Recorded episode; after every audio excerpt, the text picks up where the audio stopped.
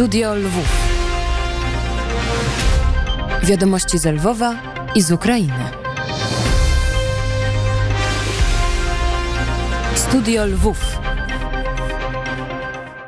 Dzisiaj, panie dyrektorze, wszyscy pana przepytamy, bo w redakcji jest też e, Wojciech Jankowski, Studio Lwów i Wojtek ma pytanie zapewne dotyczące wczorajszej sytuacji z Ukrainą. Wojtku. Dzień dobry, panie dyrektorze. Ma pan szczęście, bo przy jednym połączeniu telefonicznym jest pan gościem dwóch e, audycji radiowych, bo w taki e, niezauważony prawie sposób przechodzimy do studia Lwów. Seria wypowiedzi medialnych, a następnie seria wezwań ambasadorów z jednej strony Rzeczypospolitej, Bartosza Cichockiego, z drugiej strony w Kijowie, z drugiej strony ambasadora e, Ukrainy w Polsce. Wypowiedź ostra m, premiera Morawieckiego. E, jakiś ni- nieszczęśliwy chyba okres w naszych relacjach polsko-ukraińskich e, rozpoczynamy. Tak, rzeczywiście niezręczny. Myślę, że jednak odpowiedzialność za ten stan leży po stronie ukraińskiej. Zbyt mocne oświadczenie wiceszefa biura prezydenta Załęskiego Andrija Jermaka dwa dni temu po wypowiedzi, moim zdaniem dosyć niewinnej wypowiedzi e, ministra Marcina Przydacza, który, przypomnijmy, powiedział, że e, Ukraina powinna w większym stopniu doceniać e, działania wspierające ze strony Polski. To trochę zostało wykrzywione potem, czy wzmocnione też w tym przekazie ze strony MSZ-u ukraińskiego wczoraj, który powiedział, że rzekomo polska strona twierdzi, że Ukraina jest niewdzięczna. Tego typu słowa o nie- o niewdzięczności nie padły.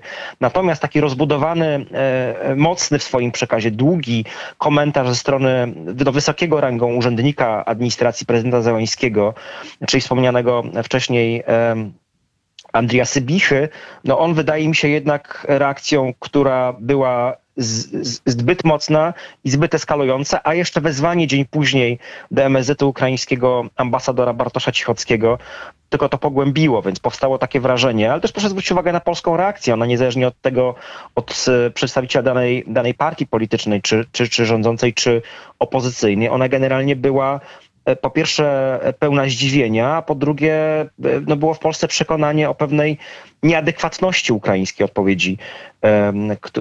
Takie mam wrażenie, że Ukraińcy trochę stracili proporcje, jeśli chodzi o to, co się tak naprawdę e, wydarzyło. A jeśli na to nałożymy jeszcze rocznicę 1 sierpnia wczoraj w Polsce, którą e, społeczeństwo polskie walnie świętuje, no to mam, to tylko pogłębia moje wrażenie pewnej, e, pewnej nieadekwatności, niezręczności działań ze strony ukraińskiej. To trochę tak, jakbyśmy wezwali ukraińskiego ambasadora w jakiejś sprawie 24 sierpnia, czy święto ukraińskiej niepodległości.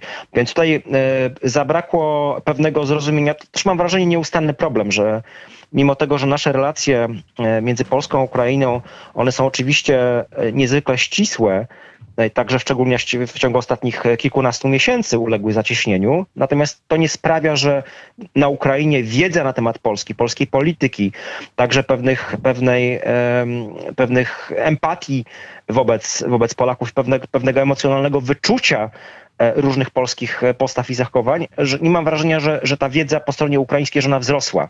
Czy mam wrażenie cały czas, że Ukraińcy także na tym najwyższym poziomie politycznym słabo znają i słabo Polskę rozumieją. No i te dwa niefortunne komunikaty w ciągu ostatnich dni, dwóch dni po stronie ukraińskiej tylko to potwierdzają. Ale mamy też wypowiedź e, prezydenta Zełenskiego, która mm, zdaje się tonować to, co się wydarzyło. Jak pan ocenia? Tak, i to bardzo dobrze. I to bardzo dobrze, że ona, że ona została, że ona wczoraj, wczoraj późno wieczorem się pojawiła.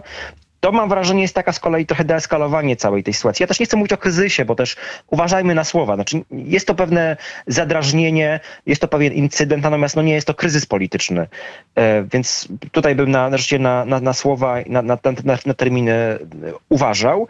E, jest to ewidentnie e, z, chyba zrozumienie przez prezydenta Załęskiego, że pewne sprawy zaszły zbyt daleko. E, No, sam fakt, że też polski premier się wczoraj wypowiedział, prawda, e, w, w, tej, w tej sprawie, też to pokazuje, więc myślę sobie, że to jest pewną dojrzałością polityków w każdej sytuacji, pewna umiejętność do tego, żeby e, nawet nie tyle przyznać się do pewnych błędów, bo to każdemu politykowi w każdym kraju przychodzi z trudem, czy najczęściej pewnie nie przychodzi, żeby pewne, pewne gesty wykonać, ale właśnie trochę zrobienie pewnego kroku do tyłu i trochę zejście z pewnych bardzo mocnych słów, e, podkreślimy teraz jeszcze, które zostały użyte po stronie ukraińskiej. Tam wręcz w tym komunikacie Andrija Sybichy padły strony o tym, że padły słowa o tym, że część polskich polityków przyszła na stronę zła. Tej, do, do, do powiedzeniu e, de facto gra po stronie rosyjskiej. E, Świadomie czy nieświadomie napisał Andrii Sybicha. No to są mocne słowa, biorąc pod uwagę e, jednak e, sojusznicze relacje, jakie łączą Polskę i Ukrainę. I to wszystko, co Polska dla Ukrainy e, robi, wspierając państwo ukraińskie, przecież w różnych sferach, no to mam wrażenie, że tutaj ktoś się po stronie ukraińskiej zagalopował, ale też dobrze, że, że ten komunikat łagodzący prezydenta Załęskiego się wczoraj pojawił. E, Panie dyrektorze, wspomniał pan o rocznicach. Mamy za sobą jeszcze jedną rocznicę, 11 e, lipca. Jak zwykle pewne oczekiwania po polskiej stronie były dość duże. Czy to może być, teraz przerysowuję być może, może to mówię w tonie publicystycznym, ale czy to może być koniec e, pewnego, e, początek końca miesiąca miodowego? O, tak to nazwę. Myślę, że trochę tak, ale z drugiej strony też trzeba patrzeć na relacje polsko-ukraińskie. Ja to lubię podkreślać. E, Nie, nie trzeba ich idealizować. One nigdy nie były wolne od napięć i nigdy nie będą wolne od napięć, dlatego że te napięcia są między każdymi państwami, które ze sobą graniczą, które e, często mają te strategiczne, zbieżne interesy, ale też różne, różne problemy czy kwestie do rozwiązania między nimi się pojawiają. No, przytoczę choćby e, relacje polsko-czeskie w okresie sporu o kopalnie po polskiej stronie granicy, czy nieustanne spory e, w różnych sferach niemiecko-francuskie. Prawda? Ten motor Unii Europejskiej napędowy, on nie jest wolny od napięć i te napięcia się e, co jakiś czas tam upubliczniają. Ważne jest to, żeby one nie przysłaniały nam tego, co jest e, wspólnym interesem i co jest i pewnie będzie długo jeszcze wspólnym interesem w tym przypadku e, polsko-ukraińskim, a te wspólne interesy, które nas łączą, no one są fundamentalne, ważne. E, To zresztą bardzo mi się podobało sformułowanie, jakiego wczoraj użył e, w tym komunikacie swoim prezydent Zełęński, pis- pisząc o historycznym, e, historycznych, strategicznych interesach polsko-ukraińskich. I to one oczywiście dotyczą tych najważniejszych spraw, jakie mogą być dla państwa, państw, czyli bezpieczeństwa. To, co łączy i będzie łączyć Polskę Ukrainę, to pewne wspólne patrzenie na kwestie związane z bezpieczeństwem, także zagrożeniem strony Rosji, które niezależnie od tego, kto w Rosji za ileś tam lat będzie rządził, problem rosyjski dla e, Polski i Ukrainy, on pewnie nigdy nie zniknie. Znaczy, Rosja zawsze będzie mniejszym czy większym wyzwaniem dla Polski i Ukrainy. My mamy również pewną podobną wrażliwość, jeśli chodzi o patrzenie na to, jak powinna wyglądać architektura bezpieczeństwa, o, o rolę Stanów Zjednoczonych w bezpieczeństwie europejskim, a to, że są interesy ekonomiczne, tutaj w tym przypadku w branży rolno-spożywczej, które wywołują napięcia, to nie jest nic e, niespodziewanego. To jest właściwie coś, co, czego należało oczekiwać i czego oczekiwaliśmy. To, że Unia Europejska w sposób bezprecedensowy po raz pierwszy w swojej historii otworzyła granicę celną, znaczy zniosła bariery celne w ubiegłym roku dla eksportu ukraińskiego, także eksportu rolno-spożywczego, bez spełnienia przecież standardów po tej drugiej stronie ukraińskiej, prawda? Znaczy bez przejścia całego procesu integracji z, Uni- z Unią Europejską, który jak widzimy, czy widzieliśmy na polskim przykładzie w latach 90., on był długi, on był bardzo trudny, czasochłonny, e, ale sprawił, że polskie, polska branża rolna była potem w stanie konkurować z e, silniejszymi często podmiotami zachodnimi. Więc tutaj mieliśmy do czynienia z dosyć bezprecedensowym działaniem ze strony Unii Europejskiej, e, które sprawiło, że ukraińska produkcja tańsza, często niespełniająca standardów tych unijnych, fitosanitarnych także, zaczęła e, wpływać szerokim strumieniem na rynki państw ościennych, także Polski, no co w kontekście przedwyborczym spo- spowodowało takie napięcia, jakie spowodowało. E, I znowu, e, pewnie e, nie należy ich przeceniać, bo e, ta wspólnota interesów strategicznych polsko-ukraińskich, ona jest znacznie większa i ona jest i ona będzie. E, Dyrektor Wojciech Kononczuk, dyrektor Ośrodka Studiów Wschodnich był Państwa i naszym gościem. Bardzo serdecznie, panie dyrektorze, dziękujemy. Dziękuję również. E, Płynnie weszliśmy w studio Lwów, ale żeby stało się też formalnością radiowym zadość, e, to w studiu białoruskim musimy się pożegnać. Ola Siemaszko e, dzisiaj zrealizowała nasz program z, Wilna, Paweł Bobułowicz z Warszawy, a w Warszawie też już są gospodarze studia Lwów, ale to za chwilę powie o tym Wojtek Jankowski więcej, a w studiu białoruskim ja mówię już do usłyszenia. Studio Białoruskie Radia Wnet. Белорусская студия «Радио ВНЕТ». Studio Lwów. Wiadomości z Lwowa i z Ukrainy. Studio Lwów. I jeszcze raz y, Wojciech Jankowski wita Państwa serdecznie. Studio Lwów rozpoczęło się tak naprawdę przed chwilą i chyba musimy przemyśleć, w jaki sposób informować Państwa o tym, że istnieją stany pośrednie. Inaczej niż w logice, kiedy jest albo 0, albo 1. Tutaj Raport z Kijowa może przejść nie, niepostrzeżenie w studio Lwów, a potem znowu stać się, e, przepraszam, studio białoruskie może znowu stać się, e, pokręciłem wszystko, ale Państwo z pewnością zrozumieli, co e, miałem na myśli. Obok mnie siedzi Dmytro Antoniuk, który z pewnością za chwilę e, będzie rozmawiał e, z nami, ale po drugiej stronie magicznego urządzenia jest e, Artur Żak. Dzień dobry Arturze, jaka pogoda w Lwowie, jak ostatnia noc? Dzień dobry Wojciechu. Pogoda pod, pogoda pod psem, że to tak określę. Niestety pada deszcz, e, stalowo-szare chmury zwisają nad gmachami mojego miasta. Noc, e, noc niespokojna na terenie Ukrainy, bo znowu były alarmy przeciwlotnicze, znowu Ukraina została zaatakowana.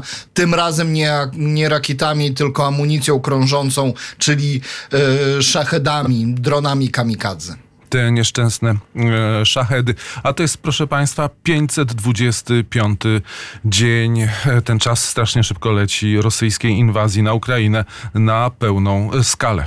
I w nocy wojska rosyjskie, jak mówiłem, zaatakowały Ukrainę, Ukrainę dronami uderzeniowymi. W Kijowie zestrzelono wszystkie bezzałogowce. W obwodzie odeskim zniszczone zostało, zostały kilka obiektów infrastruktury portowej. W sumie obrona przeciwlotnicza, ukraińska obrona przeciwlotnicza zestrzeliła 23 szachedy. W wyniku wczorajszego rosyjskiego ostrzału szpitala w Chersoniu zginął młody lekarz. Ciężko ranna została także pielęgniarka. Czterech kolejnych pracowników medycznych zostało również rannych. Ukraińskie wojsko wybiło Rosjan z ich pozycji w pobliżu Awdijówki w obwodzie donieckim. Poinformował o tym sztab generalny Sił Zbrojnych Ukrainy. Ponadto ukraińscy żołnierze nadal prowadzą działania ofensywne na południu od Bachmutu, a na na kierunku kupiańskim i umańskim powstrzymują ataki Rosjan. W ciągu ostatniej doby w Rosji próbowano podpalić ponad 12 wojskowych komisariatów rejestracyjnych i rekrutacyjnych. Zatrzymani twierdzą, że padli ofiarą oszustów telefonicznych, którzy pod różnymi pretekstami przekonywali ich o konieczności podpalenia wojskowych urzędów. I to jest dzisiaj ostatnia wiadomość e, przygotowana przez niezmordowaną, niezmordowaną Darię Hordiko. Artur zostanie w, na linii, być może będzie chciał uczestniczyć w naszej rozmowie. Obok mnie jest Dmytro Antoniuk. I tak naprawdę e, umówiliśmy się, żeby porozmawiać o temacie bardzo miłym, e, odległym poniekąd od aktualności, chociaż też w pewnym sensie aktualnym, ale zanim to nastąpi, to chciałeś tutaj też skomentować to, o czym rozmawialiśmy, Dmytrze, o, o, o tym, no właśnie, jakie użyć słowa, no nie kryzysie, ale pewnym, pewnym zmniejszeniu ciepłych relacji między Polską a Ukrainą. Tak, o tym napięciu i już dzisiaj w poranku wnet mówiłem o tym i po prostu powtórzę, że ja zgadzam się że e, ze słowami premiera Polski Mateusza Morawieckiego, który powiedział, że w ogóle tego nie, e, nie miałoby być. Ja w, w, też nie uważam, że słowa pana Przydacia byli aż tak e, mocne, dlatego, żeby wzywać e, e, ambasadora Polski w Ukrainie do MSZ-u. To, no, to moim zdaniem to w ogóle jest e, niepotrzebne i szkodzące wręcz naszym e, relacjom, oczywiście. No, okej, okay, jeżeli e, ktoś w w rządzie polskim, w kancelarii prezydenta Polski uważa, że Ukraina jest e, jakoś niewystarczająco dziękuję za tą pomoc, którą dostaję od Polski, no to można byłoby to też, z, też tutaj już z innej strony mówię, że można byłoby jakoś to prywatnie a, powiedzieć też e, swoim kolegom z przeciwległej strony. I myślę, że w, porozmawialiby między sobą i, e, i, i nie byłoby to w przestrzeni publicznej. A teraz e, wzywanie ambasadora Polski, wzywanie ambasadora Ukrainy i oczywiście no, po prostu ludzie patrząc na to myślą o co chodzi w ogóle, co to jest. Artur Żak jest po drugiej stronie w Lwowie. Obserwujesz te same wydarzenia, które my tutaj nad y, Wisłą. No i chciałoby się powiedzieć, po co to wszystko było i dlaczego. Arturze. Tutaj się zgodzę z Dmytrem, zgodzę się z dyrektorem. Faktycznie słowa. Myślę, że wszystko się zaczęło od e, tak naprawdę opinii, e, o, opinii m, pana Sabichy, czyli zastępcy szefa kancelarii prezydenta Ukrainy. On użył słów, e, które są słowami, no łagodnie mówiąc, niedyplomatycznymi, bo powiedział o wiarołomstwie, a, czyli o zdradzie Ukrainy ze strony partnerów polskich. I tak jak mówił też pan dyrektor, e, o tym, że, że stają po stronie mm, agresora i porównywać tak naprawdę zachowanie Federacji Rosyjskiej, która doprowadziła do blokady Morza Czarnego w sposób militarny z działaniami Rzeczypospolitej Polskiej, no łagodnie mówiąc, e, nie są, po pierwsze nie, nie odpowiadają rzeczywistości, a po drugie, no łagodnie mówiąc, e, nie są słowami dyplomatycznymi i następnie ponownie po, ty, po tych słowach wezwanie ambasadora, no mam wrażenie, że jednak te części kancelarii prezydenta odpowiedzialne, czyli gabinet e, polityczny prezydenta i gabinet, który odpowiada za stosunki dyplomatyczne, chyba nie do końca mm, wie, co robi. Przepraszam, bo inne słowa e, nie przychodzą mi do głowy, a tylko i wyłącznie nieparlamentarne. Niestety nie wiem, dlaczego tak się dzieje. I to tuż po praktycznie po wypowiedziach e, premiera Szmegala, który ostatnio też chyba niecały miesiąc temu powiedział o tym, że Polska właśnie blokuje mm, wywożenie wszelkich towarów rolnych z terenu Ukrainy, co nie odpowiadało tak naprawdę rzeczywistości i mam wrażenie, że też nie było żadnej, e, żadnego sprostowania ze strony ukraińskiej. Oczywiście ze strony prezydenta Ukrainy Wtedy też padły słowa takie godzące całą sytuację. Niemniej jednak sprostowania słów Szmychala dotychczas nie było o tym, że faktycznie Polska nie blokuje wszystkich e, artykułów rolnych, e, które są wywożone z Ukrainy. Wojciechu? Dmytro Antoniuk. Ja jeszcze dodam, powtarzając słowa naszego współ, współ- współrozmówcy o tym, że w- ta, to napięcie stało się też w bardzo ważną datę dla Polski 1 sierpnia. No, no przepraszam, to, to, to jest bardzo ważna naprawdę data i nie wiedzieć o tym w Kijowie, no to jest po prostu, no cóż, to jest, to znaczy, że osoba, która e, pozwala sobie mm, takie wyrazy, te, takie słowa, po prostu w, może być niekompetentną w takich e, sprawach. Więc e, w, oprócz tego jeszcze przypominę, że też tutaj domniemam, tak, e, że słowa Marcina Przydacia o niewdzięczności Ukrainy, o rzekomej niewdzięczności Ukrainy mogą też mieć podtekst e, znów e, e, tych ekshumacji na e, Ukrainie, E, bo pozwolenie, Polska czeka na pozwolenie, e, na szerokie pozwolenie tych ekshumacji, jak na Wołyniu, tak i w Galicji. A tych pozwoleń wciąż nie ma i być może to też e, no, w, em, no, wzbudza jakąś no, nie, nie niechęć, ale jasne, że niezadowolenie po stronie polskiej. Myślę, że tutaj dotykamy pewnego szerszego y, problemu, który t- trwał, czy, czy istniał jeszcze przed tą aktywną fazą rosyjskiej e, agresji. Pamiętam taką rozmowę z dyrektorem Instytutu, obecnym dyrektorem Instytutu Polskiego w Kijowie, który mówił o rozmowie, o rozmowie sprzed, wielu lat, kiedy parlamentarzyści rozmawiali ze sobą o miejscu spotkania polsko-ukraińskiego. I polska strona zaproponowała Hadziacz, czyli miejsce, które znakomicie kojarzy się z dobrymi relacjami między Polakami a Ukraińcami. Na to strona ukraińska powiedziała, ale jakieś rejonowe miasteczko, jakaś dziura, dlaczego ten Hadziacz w ogóle skąd wam do głowy przyszedł? Czyli mamy do czynienia z czymś takim. Może ukraińska strona by powiedziała o rzeczy analogicznej. Tutaj jest otwarte pytanie, ale brak próby czytania DNA partnera, y, sojusznika niemalże, brak y, y, próby czytania kodu kulturowego, który w takich relacjach jest kluczowy. Dmytro Antoniuk zgłasza się do głosu. Albo znów powtórzę, że brak wiedzy swojej własnej historii. Jeżeli strona ukraińska, przedstawici- przedstawiciele Urzędu Ukraińskiego mówią, po co ten hadziać, no to przepraszam, to po prostu wy, panowie, nie, nie wiecie nie, nie, o co chodzi po prostu. A Artur Żak?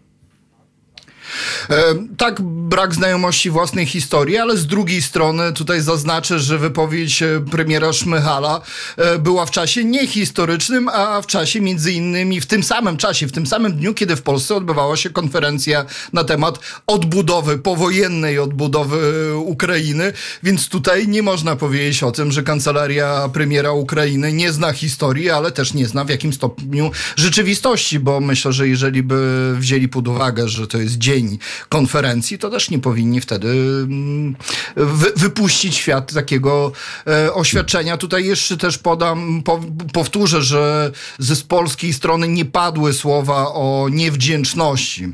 E, tak naprawdę nigdzie słowo niewdzięczność nie padała, tylko padały słowa o tym, że Ukraina powinna wiedzieć po prostu, kto w e, najbardziej neurologicznym momencie Ukrainę wspierał i kto Ukrainę wspiera.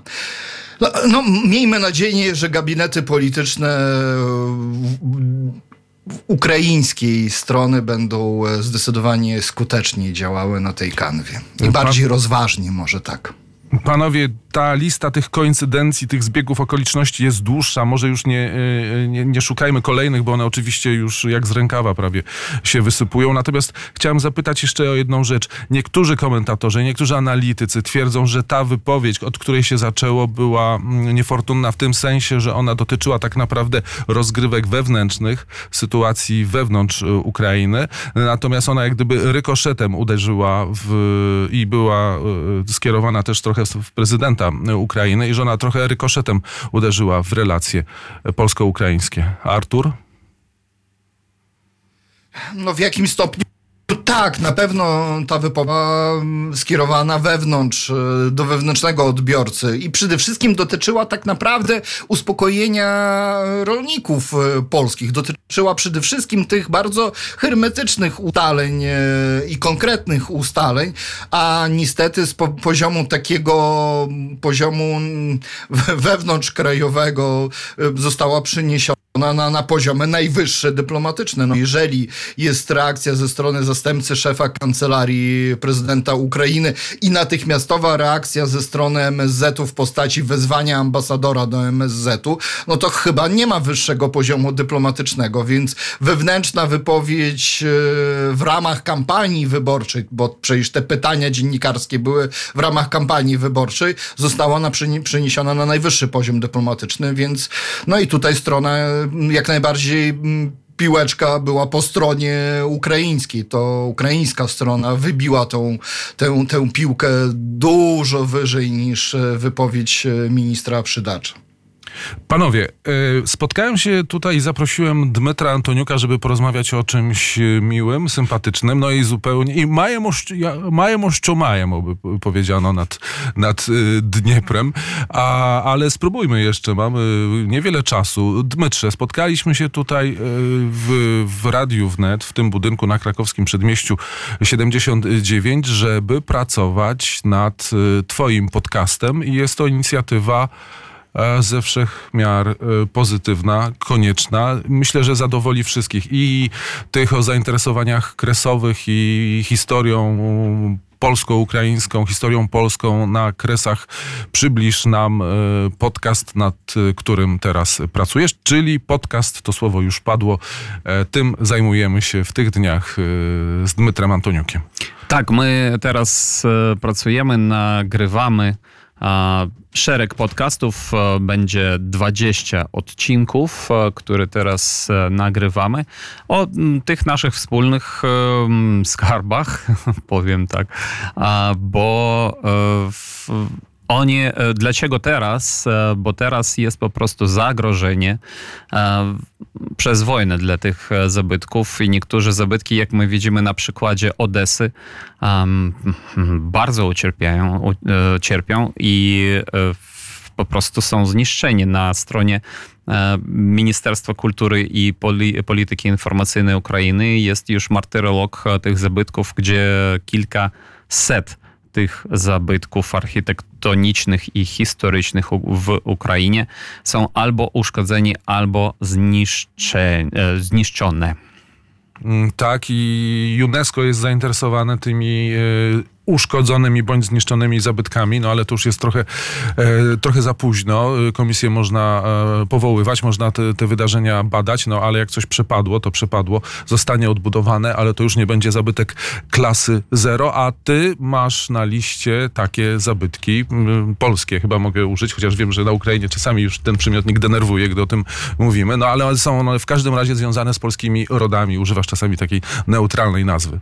Tak jest. Ja specjalnie na przykład no, teraz też jestem tutaj, jak wiecie Państwo, z prezentacjami tej, e, mojej najnowszej książki, która tak się i nazywa Zamki i rezydencje w, Ukra w Ukrainie, związane z polskimi rodami. Ja nie piszę w nazwę polskie zamki, chociaż uważam, że no tak się stało, że oni jednak e, są polskimi, e, ale ja jestem strasznie krytykowany na Ukrainie przez to, więc ja pomyślałem, że no na razie napiszę tak, jak napisałem, ale mm, uważam, że to jest też poprawna nazwa. Więc e, zapraszam dzisiaj też przy okazji o 17 do Stowarzyszenia Dziennikarzy Polskich w Warszawie na ulicy Foksal 3 przez 5, ale dodam, że jestem ciągle teraz w radiu u nas na krakowskim przedmieściu 79, gdzie mam te książki. Możecie przyjść też e, w, ze mną, spotkać się osobiście. Ja zadedykuję, zaprezentuję i zbieram teraz środki na drona dla wojska ukraińskiego. I teraz, Dmytro, jeżeli się mylę, to mnie popraw. Prawdopodobnie gdzieś do godziny 16 będziesz w radiu, bo tutaj czekamy na takie momenty, kiedy studio jest wolne, można wejść i można nagrywać. Także jeżeli ktoś z naszych słuchaczy chce przyjść... Yy... Do 15.30. 15.30. To do 15.30 chce przyjść, zamienić słowo z Dmytrem, chociaż to nie, niekoniecznie będzie od razu możliwe, bo Dmytro może być zamknięty w studiu, ale jest taka możliwość, jest możliwość, żeby kupić książkę? Jest, absolutnie. Książki tutaj są Dedykację wziąć? Jasne, tak i, i wspomóc jednocześnie e, dzieło, które Dmytro już od, od kilku miesięcy wspomaga, bo swoją pracą od, e, nie wiem czy od 24 lutego, bo wtedy nie miałeś takiej możliwości, ale swoją pracą dotychczasową i obecną wspomagasz e, Ukraińców, e, siły zbrojne Ukrainy w tej wojnie. No uważam, bo to jest po prostu obowiązek. skoro nie jestem w wojsku, to znaczy muszę po prostu pomagać finansowo i e, w każdy inny sposób. Arturze, jesteś cały czas, a jesteś w Lwowie, to może też kiedyś pomyślimy o, e, a już mnie tam nie ma, więc zwracam się do ciebie, pomyślimy o prezentacji w twoim mieście. Jestem tylko za. Trzeba tylko ustalić e, godzinę i czas i myślę, że nie powinno być w tym żadnego problemu. Miejsce się znajdzie i myślę, że ludzie jak najbardziej. Zresztą taki, to, takie prezentacje organizowaliście z Dmetrym jeszcze parę lat temu i frekwencja była naprawdę bardzo duża. Ale to było wyjątkowe miejsce i wtedy mieliśmy pomoc Konsulatu Generalnego Rzeczypospolitej Polskiej w Lwowie, za co dziękujemy.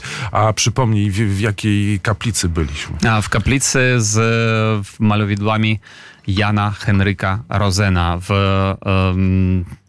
no, w, w, tam, gdzie znajduje się kuria rzymskokatolicka w Lwowie. Po prostu niesamowite miejsce, ale y, tam chyba można trafić, bo tam są nabożeństwa co, co najmniej co niedzieli. Także zapraszam e, obecnych ludzi w Lwowie zwiedzać tą kaplicę, bo e, malowidła Rozena są nie tylko w katedrze ormiańskiej w Lwowie, a i w tej kaplicy. Zerkam na zegar, mamy tylko minutę. Arturze, szybko jesteś lwowiakiem. Czy tam są w tej chwili polskie msze e, w tej kaplicy?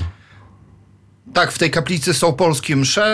E, powinny być w kościele obok, w koś, kościele, dawnym ko, kościele seminarium, e, ale nadal trwają starania o odzyskanie tego kościoła przez rzymskich katolików.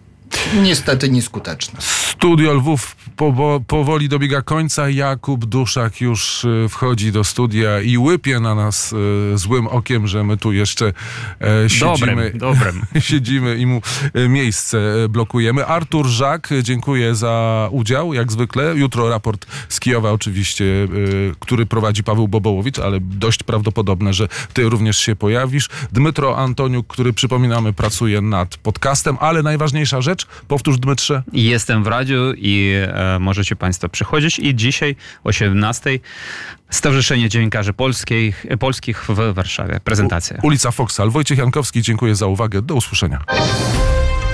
Studio Lwów. Wiadomości z Lwowa i z Ukrainy. Studio Lwów.